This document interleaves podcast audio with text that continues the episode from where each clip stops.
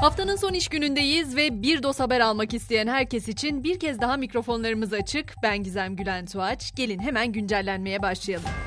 Mehmetçik teröristlere göz açtırmıyor. Suriye'de Zeytin Dalı bölgesindeki bir üsse havan topu tacizinde bulunan 14 terörist etkisiz hale getirildi. Öte yandan MIT'te biri kırmızı bültenle aranan iki teröristi sınır hattında yakaladı. Türkiye'ye getirilen teröristler Atilla Çiçek ve Hüseyin Yıldırım'ın 9 şehidin failleri oldukları biliniyor. Rusya-Ukrayna hattına geçeceğiz. Bugün malum Ukrayna'da ayrılıkçı yönetimler Rusya'ya katılım referandumu için oy kullanıyor. Donetsk, Luhansk, Zaporijya ve Herson'da 27 Eylül'e kadar sandığa gidilecek. Rusya Dışişleri Bakanı Lavrov referandum kararından Ukrayna lideri Zelenski'yi sorumlu tuttu. Lavrov referandumun Ruslara Ukrayna'yı terk edin çağrısına yanıt olduğunu söyledi.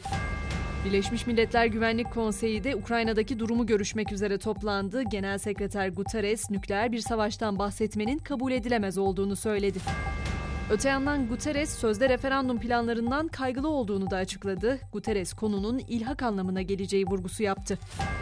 Bu arada NATO'da sözde referandumu en güçlü şekilde kınadı. Tehdit veya güç kullanımından kaynaklanan hiçbir toprak kazanımının meşru kabul edilemeyeceği açıklandı.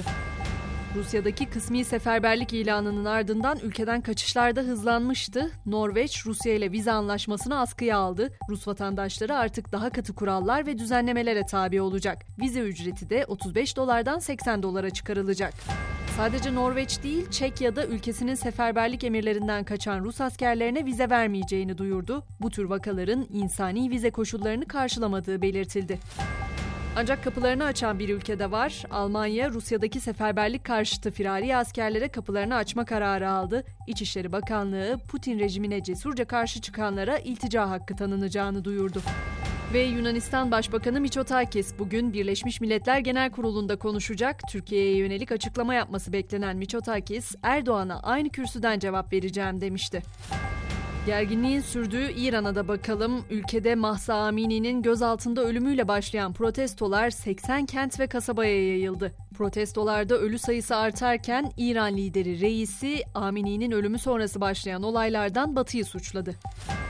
İsrail Başbakanı Lapid'ten de dikkat çekici bir açıklama var. Lapid iki devletli çözümü desteklediğini açıkladı. Barışçıl bir devlet olması için Filistin'e de silah bırakma çağrısı yaptı.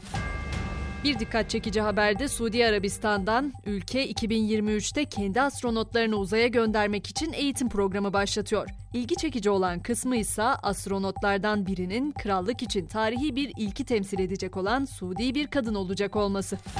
Hollywood'dan da haber verelim. Ünlü aktör Brad Pitt güzellik sektörüne adım atıyor. Oyuncu ilk güzellik markası girişimiyle yaşlanma karşıtı cinsiyetsiz cilt bakım ürünlerini piyasaya sürecek.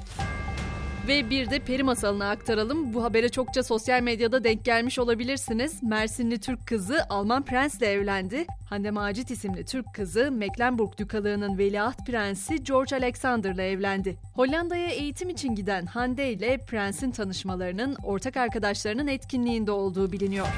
Ve elbette spora da yer veriyoruz. A milli futbol takımımız UEFA Uluslar C Ligi'ndeki 5. grup maçında Lüksemburg'la 3-3 berabere kaldı. Böylece Ay Yıldızlılar B Ligi'ne yükselmeyi garantiledi. Yabancı sınırından dolayı Fenerbahçe'nin yeni transferlerinden Bruma, Lemos ve Novak'ın lisansı çıkarılamadı. 3 ismin kulübe bir yıllık maliyeti 65 milyon lira olacak.